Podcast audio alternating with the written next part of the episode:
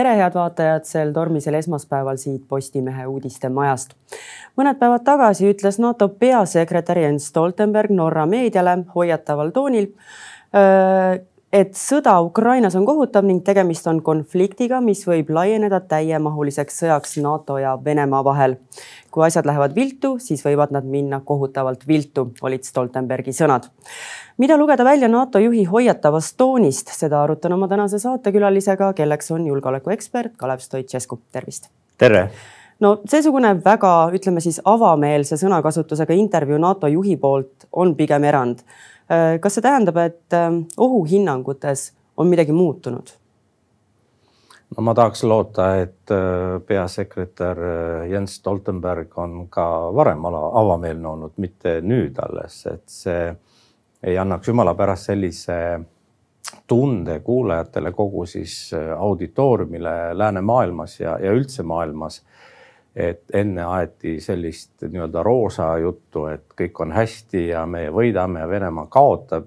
ja nüüd me siis tegelikult räägime asjadest nii, nagu nad on. ma ei oleks küll nõus äh, sellise noh, interpretatsiooniga ja sellise hoiakuga, tõepoolest äh, NATO peasekretär oli tavatult ärev, ma ütleksin ja, ja, ja noh, tal oli selline murelik toon ja ta rääkis noh, samas asjadest, mida me ju kogu aeg teame. et sõda võib tegelikult laieneda, seda ei saa ju keegi välistada. aga mida ma oleks tahtnud, et ta ütleks ja ta jättis ütlemata, on see, et tegelikult sõja laienemine ei sõltu meist tegelikult. see on ju ammu teada tõde, et ükskõik, mida me ka teeme või ei tee, kui Venemaa tahab seda sõda laiendada, siis ta teeb seda ja kui ta oleks varem tundnud, et, et see on talle kasulik, siis ta oleks kindlasti provotseerinud sõjalist tegevust kuskil Balti riikides, Poola vastu saatnud meelega mõne raketi sinna vaadata, kuidas reageeritakse ja nii edasi. see fakt, et Venemaa ei ole seda, seda teinud, ma arvan, et äh, tõendab seda, et Venemaa tegelikult ise kardab seda suuremat, ta ähvardab sellega sellepärast et see on kasulik talle, see mõjutab psühholoogiliselt läänemaailma. see on umbes sama nagu tuumarelvadega ähvardatakse, üks asi on tuumarelvadega ähvardamine. ja selle tegemine, kuniks sa näed, et see mõjutab teist poolt ja hoopis teine asi on tuumarelvade kasutamine ja Venemaa mõistab, et see talle kasuks ei tule. täpselt samamoodi sõja laienemine praegu talle kasuks ei tule, sest nad ei saa isegi Ukrainaga tegelikult ju hakkama. Te ütlesite, et äh, sõja laienemine ei sõltu meist, see sõltub ikkagi konflikti osapooltest, see sõltub Venemaast. mis Just. peaks olema see Venemaa samm, et NATO reageeriks sõjaliselt? noh, see oleks äh, ilmselge NATO liitlaste, NATO territooriumi ründamine Venemaa poolt.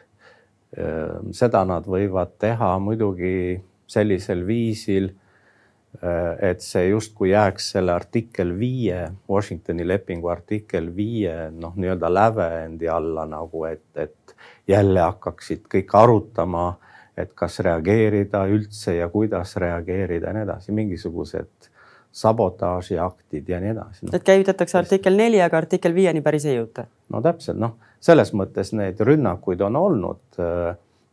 Hübriidrünnakuid äh, on ju rünnatud Tšehhimaal ju äh, neid äh, laskemoonaladu ju lendas õhku samamoodi Bulgaarias, see oli varem, enne kahekümne neljandat veebruarit. ja nendele isegi suurt äh, ei reageeritudki ja need olid ju GRU poolt toime pandud aktsioonid ma ikkagi ütlen, et äh, varasemalt on ekspertide hinnangud siin viimaste kuude jooksul olnud äh, pigem optimistlikumad, et Ukrainal on võimalik Venemaad lüüa, Venemaa jõuvarud on äh, otsa lõppemas, Venemaa relvastus võib otsa lõppeda. kas sellised varasemad optimistlikumad tooni hinnangud on osa sellisest poliitilisest strateegiast, et innustada lääneriike rohkem Ukrainale abi andma? no täpselt, no ma ütlen, et see sõda käib ilmselgelt kolmel tasandil või kolmes mõõtmes, ütleme niimoodi. Üks on siis see sõjaline mõõde ja siis see sõjaline tegevus, mis toimub seal sõjatandril Ukrainas. ja see sõltub sellest, kui hästi Ukraina võitleb ja ta võitleb väga hästi. ja kui palju me oleme suutelised Ukrainale abi andma relvastuse ja laskemoona ja kõige muu näol, mis neil on vajalik selleks. ja me oleme näinud ka seda, et Ukraina võimed on ka sellised, et lausa Venemaale kauglööke anda, aga mitte sellise relvastuse või moonaga, mida meie NATO riigid oleme talle tarninud ja see on väga oluline aspekt. teine mõõde on majanduslik, jõuame ka sellest rääkida natukene. ma küsin enne ära, mis vahe on siis nendel relvadel, mida lääneriigid on Ukrainale andnud ja need, millega nad ise seal sõdivad koha peal? Ei noh, kokkuvõttes kõik relvad on kasutatavad äh, nii enesekaitseks kui ründamiseks ja, ja Venemaa on ka seda omalt poolt tõestanud äh, rakettidega. näiteks S kolmsada, mis on ju mõeldud eelkõige ikkagi õhukaitserakettidena, et neid kasutatakse selleks, et äh, vastase lennukeid või rakette alla tuua või droone, nii et aga venelased on nad kasutanud, ütleme siis maa-maa tüüpi rakette selleks, et rünnata maismaaobjekte seal, nagu me näeme, nad äh, satuvad sinna elamukvartalitesse ilmselt meelega ja, ja tsiviiltaristut üritatakse, nad ei ole selles mõttes kõige täpsemad nii täpsed nagu spetsiaalsed maa-maa äh, raketid või õhk-maa raketid, mis on mõeldud maaobjektide. et strateegilisi punkte neil ei õnnestu nendega tabada? Äh, noh, jah, ütleme seal veapiirid on üsna suured sellistel rakettidel ja, ja, ja aga NATO riigid on algusest peale andnud Ukrainale ja annavad jätkuvalt sellist relvastust ja sellist moona, mida saab enesekaitseks kasutada. nii et siin Venemaa ei saa süüdistada NATO-t selles, et äh, me anname relvi, millega saab, ma ei tea, Moskvat rünnata piltlikult, et, et need raketid, millega äh, Ukraina ründas Engelsi äh, selle õhuväebaasi, kus on need kaugmaa pommitajad, strateegilised pommitajad, need on ju nõukogudeaegsete droonide baasil tehtud. lihtsalt ukrainlased on nii nutikad et panid selle seitsmekümne viie kilose või mis iganes selle lõhkepea sinna talle otsa ja, ja tegid sellest vanast luuredroonist tegid äh, ründedrooni. Ja, ja äh, üsna edukalt, nagu me nägime, nii et aga seda taktikat äh, ei plaanita muuda, muuta, et äh, NATO riigid annaksid Ukrainale siis ründerelvi, mis selleks peaks juhtuma, et selline otsus võetakse? ja ma räägin, kõik relvad on ka praktiliselt kasutatavad nii kaitseks kui rünnakuks, et, et ähm, aga mõned on nagu spetsiaalsed nii-öelda ründerelvad nagu maa-maa raketid, mis on pikema laskeulatusega et äh, ma näen sellist taktikat läänemaailmas nüüd Ameerika Ühendriikide poolt, aga ka teiste suurliitlaste, Saksamaa ja nii edasi poolt, et äh,, et jätkata sellist kurnamissõda. Nad ei taha teha väga järske selliseid samme äh,. ei, mitte selles sõjalises dimensioonis ega ka mitte majandussfääris, kui me räägime nafta hinnalagedest ja nii et, et mitte esile kutsuda liiga järske muutusi nagu äh, nii sõjatandril kui ka, mis paneks Venemaad kuidagi teistmoodi reageerima ega ka mitte näiteks naftaturul, et äh, tekiksid mingisugused suured võnked ja nii. et siis ütleme piltlikult, et Venemaa võime sõda pidada väheneks, ma ei tea, null koma üks või null koma kaks protsenti päevas niimoodi tilkhaaval nagu et ei tekiks äh, selliseid äh, šokke, see on, see on nagu minu tõlgendus sellest, äh, kuidas see sõda toimib. Ja veel kord, siin on sõjanduslik pool, majanduslik ja kolmas, mis puudutab just Stoltenbergi avaldust, on siis informatsiooniline ruum, milles me tegutseme, sinna läheb ka Macroni avaldus, kes samamoodi rääkis rahus, nii et selles mõttes, et on väga oluline jälgida mis sõnumeid me välja anname nii kõrgel tasemel nagu NATO peasekretär, riigipead, suurt noh, tuumariikide riigipead. et need äh, sõnumid jumala pärast ei innustaks venelasi ja annaks neile rohkem julgust ja lootust, et neil on veel võimalik seda sõda võita. vastupidi, need sõnumid peaksid meile sisendama mitte võltsoptimismi, aga aga usku endasse, liitlastesse, Ukrainasse ja ja samas sisendama venelastele pidevalt seda, et tegelikult nad kaotavad varem või hiljem, et see võitlus on lootusetu nende jaoks. ma ei ole kindel, et Stoltenbergi avaldus seda tegi, et ta oleks sisendanud sellist äh, optimismi või usku või lootust, äh, ütleme siis Kahjuks NATO riikidele. ja miks te arvate, miks ta ikkagi sellise avalduse tegi või kuidas see, see avaldus peaks enda elu edasi elama, ütleme siis nii? no vot, ma ei tea, see on küsimus, mida peab esitama temale endale, et väga raske on kellegi teisi ähm, äh, avaldusi kommenteerida selles võtmes, et miks keegi ütles midagi. aga kas praeguses et, ärevas aga... olukorras oli see ebaõnnestunud väljaütlemine? ma arvan küll jah, jah, et oleks pidanud või siis olema rohkem tasakaalustatud äh, kõrvalsõnumiga, mis äh, mis Venemaad heidutab ja, ja annab äh, meie poolele rohkem usku ja pessimismi, sest noh, vaadake, mis toimub, noh, selline talv on meil õues. Äh, meil siin Saaremaal ja mujal tuhandetel inimestel ei ole elektrit ka ilma selle Putini desünkronisatsioonita. Olkiluoto tuumaelektrijaam Soomes ei hakka enne veebruari tööle jälle mingid äpardused. ka seal, see pole ka Putini tegu. et kahjuks on noh, kui on õnnetusi, siis nad ei hüüa tulles ja, ja nad võivad juhtuda ka korraga. et esialgu see talv tundub, et soosib Venemaad äh, selles mõttes ja Venemaa asetabki sellele talvele väga suuri lootsi. ja, ja loodame, et, äh, et noh, nad saavad aru, et see tekitab meile majanduslikke olmelisi ebamugavusi. see on see, millele nad mängivad. ja nad mängivad äh, paljudele asjadele, ka sellele, vot seesama hirm, et sõda laieneb. just eile ilmus uudistesse, et jälle mingisugune organisatsioon, Rusitš on kuskil olemas ja väidetavalt Kreml seda ei kontrolli ja väidetavalt neil on plaanis ja nad on ka võimelised sabotaažiakte ja rünnakuid korraldama Balti riikides. jälle sellist, et tõsta ärevust ja nii, siis me näeme, kuidas Serbia nüüd äh, püüab ähm, noh, ähvardab Kosovot, et saadab väed sinna sisse et kord oleks majas seal serblastega asustatud aladel, see ei ole uus asi, see on vana asi, aga nüüd selles olukorras on seda kõige vähem vaja. noh, ma ütleks, et jah, Serbia kasutab ära oma seda erilist sidet Venemaaga, nad ajavad oma asja. aga, aga ma arvan ka seda, et Kreml ässitab neid mõnuga praegu, et sealt tekiks jälle see mingi uus Kosovo sõda ja see jällegi toob seda pildile Euroopas, no näed jälle veel üks sõda, näed, kõik laieneb ja nii edasi. seda ei ole vaja.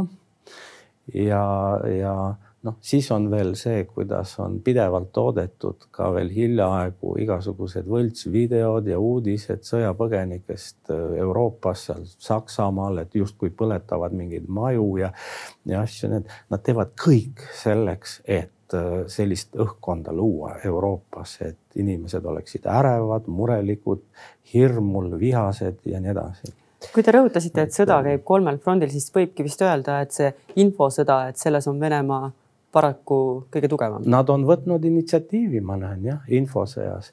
Nad on selgelt kaotajad sõjalisel tasandil aga nad üritavad äh, meeleheitlikult initsiatiivi haarata inf- või desinformatsioonisõjas või kuidas öelda, propagandasõjas.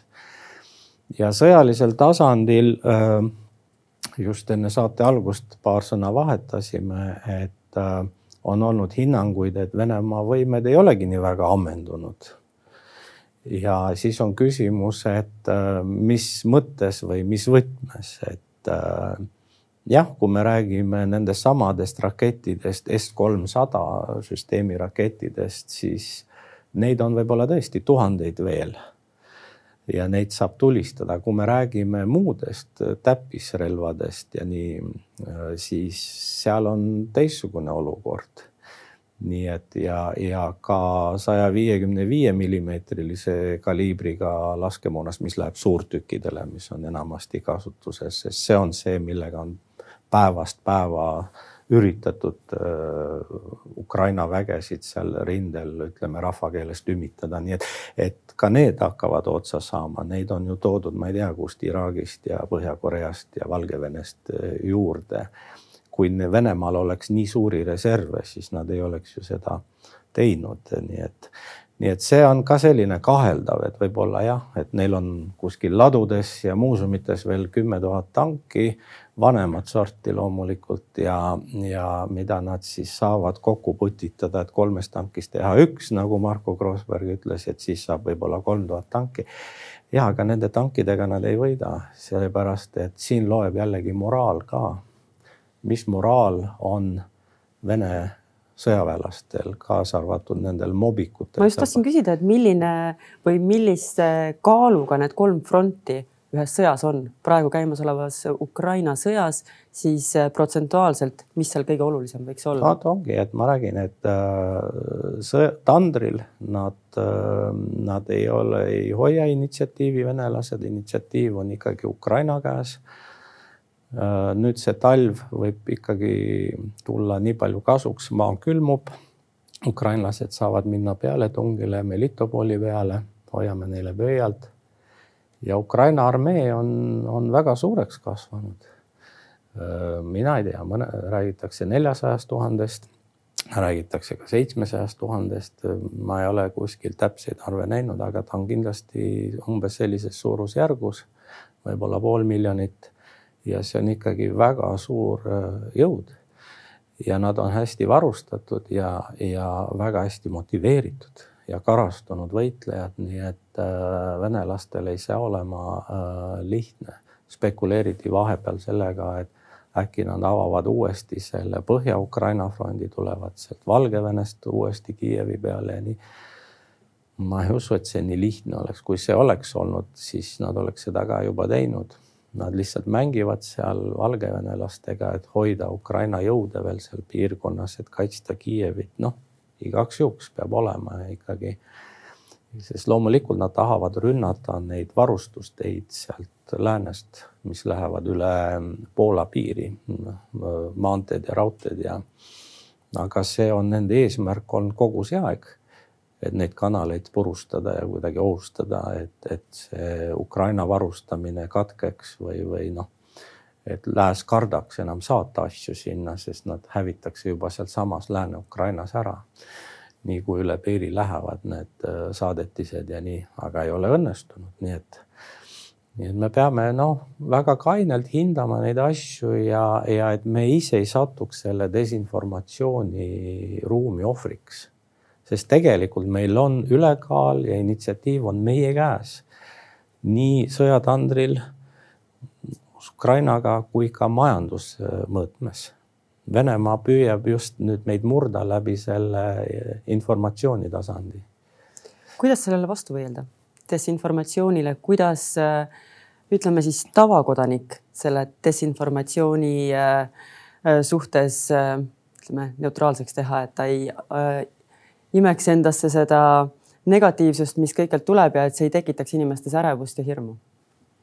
no vot, see ongi, desinformatsioon on nagu haigus ja see tekitab äh, vaimseid haigusi, ütleme nii, aga kui rääkida füüsiliste haiguste, siis tegelikult ju, mis aitab haiguste vastu ravi ja rohud, vaktsineerimine aitab kui preventiivne mõõde, aga ja, ja noh, selles mõttes tõde ongi see, mis aitab, et äh, siis äh, kui ilmub desinformatsioon, siis sellel tuleb koheselt vastu astuda ja, ja noh, eks meedia ise peab ka olema vastutustundlik, kui publitseeritakse mingeid asju, mõtlema jah, kuskil on ilmunud uudis, siis seda korratakse, et kas see on tegelikult hea kokkuvõttes või ei ole.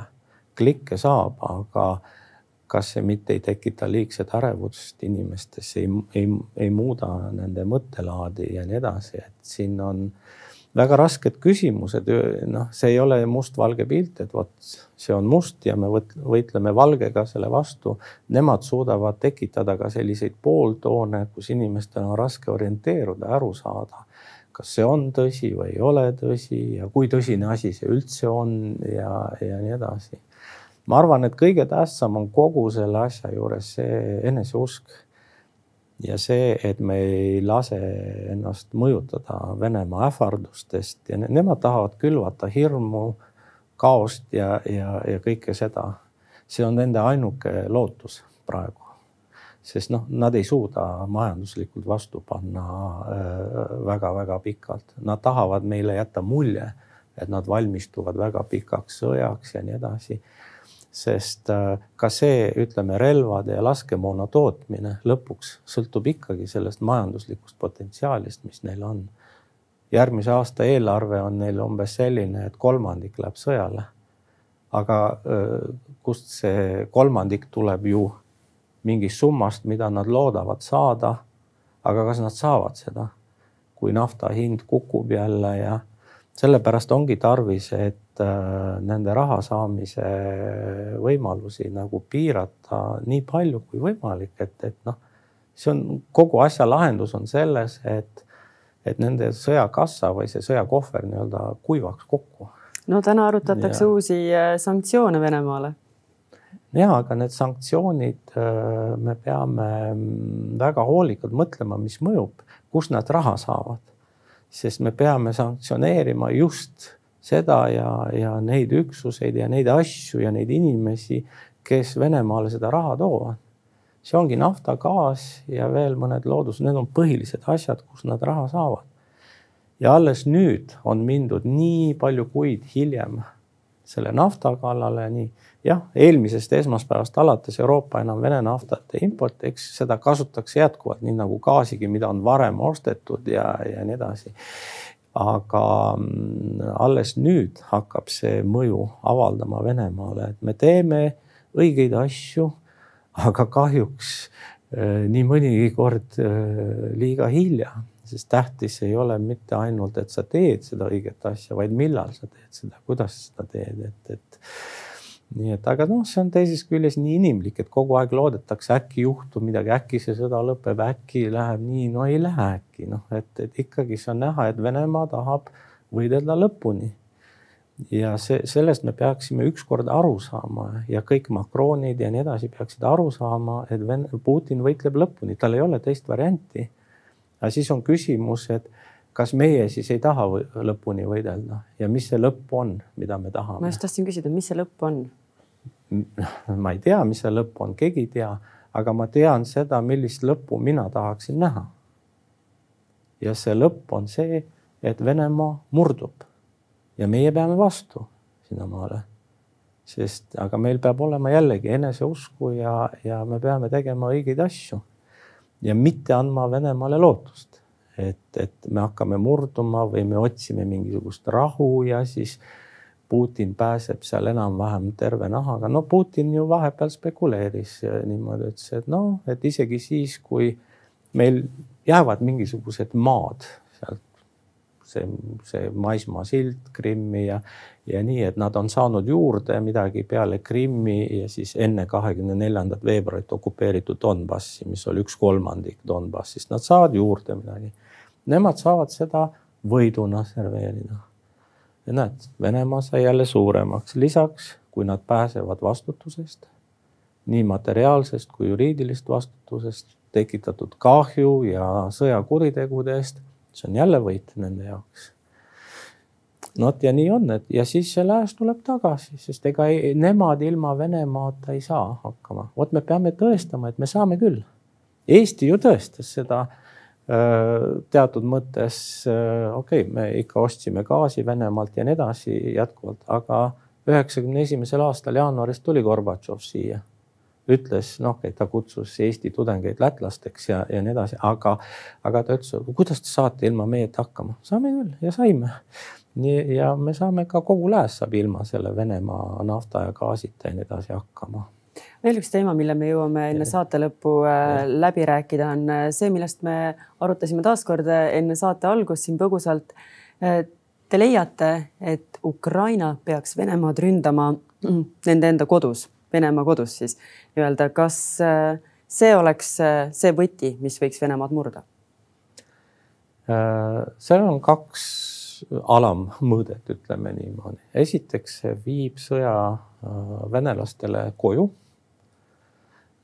kuigi peale mobilisatsiooni ja nii edasi, Putin viis ise selle sõja, ütleme, venelastele, ta ei ole enam selline televiisori sõda, ütleme. aga see, kui siin-seal linnades on näha plahvatusi ja nii edasi ja, ja Ukraina ründab loomulikult sõjalisi objekte, mida Venemaa kasutab selleks, et ukrainlasi tappa. ja see on väga legitiimne, seal ei ole üldse küsimustki ja Venemaa ei lähe kaasa või vabandust, Ukraina ei lähe kaasa Venemaa barbaarsusega, et teie hävitate meil äh, piltlikult need Lasnamäe, need paneelmajad ja meie teeme sama teile vastu. mina ei ole, ei kiidaks seda mitte mingil juhul heaks ja, ja nii. Nad peavad võitlema nagu tsiviliseeritud rahvas võitleb barbarite vastu ja, ja teine mõõde on see, et see näitab, et Venemaa on haavatav ja vägagi haavatav ja see paneb Putinil käed värisema.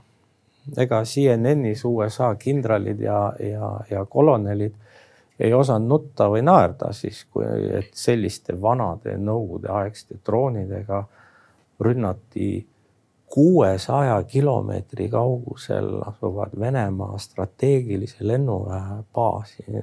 mõistus jääb seisma, et mis superriigist me siin räägime, kus on Venemaa õhukaitse isegi selle objekti enda kaitse ja nii edasi, et, et äh, millest me räägime. jah, muidugi Venemaa siis nüüd paaniliselt hajutas neid lennukeid teistele lennuväljadele ja ilmselt nad, keegi sai vastu pead jälle ja, ja nad üritavad kuidagi korda saada oma seda noh, parendada oma õhukaitset, aga noh, see on näha, et ja Venemaa on vägagi haavatav. Aga kui tõenäoliseks te peate sellist eskalatsiooni, et Ukraina selle sammu teeb? no peaasi on see, et Ukraina, kui ta ründab sedasi neid objekte Venemaal, ükskõik mis sügavuselt, sada, kakssada, kuussada kilomeetrit, et ta teeb seda omaenda vahenditega, mida ta on ise arendanud ja nii. kui see ristleja Moskva lasti põhja või siis rünnati samamoodi nende laevavastaste rakettidega Neptuun mis on ukrainlaste enda toode. et äh, ja kui Venemaa oleks leidnud seal kindlasti nad on igat ruutsentimeetrit seal äh, kamm, läbi kamminud, et leidnud mingisugusegi tõendi, et et need on koostöös NATO-ga tehtud või kuidagi mingitest komponendi või asjadest, siis nad oleks raudselt sellega välja tulnud. ja jõuame tagasi selle Stoltenbergi avalduse juurde et, et äh, Venemaa võib püüda sõda laiendada, nii no Venemaa on ju öelnud juba varem, et NATO on selle konflikti osapool, mida me ka oleme tegelikult. me ei sõdi otseselt Venemaaga, aga me abistame nii-öelda riiki, keda Venemaa on agresseerinud, rünnanud nii-öelda, nii et selles mõttes on tõepoolest konflikt Venemaa ja NATO vahel, jah Kalev Stoicescu, ma tänan teid nende kommentaaride eest. aitäh. ja ma tänan ka teid, head vaatajad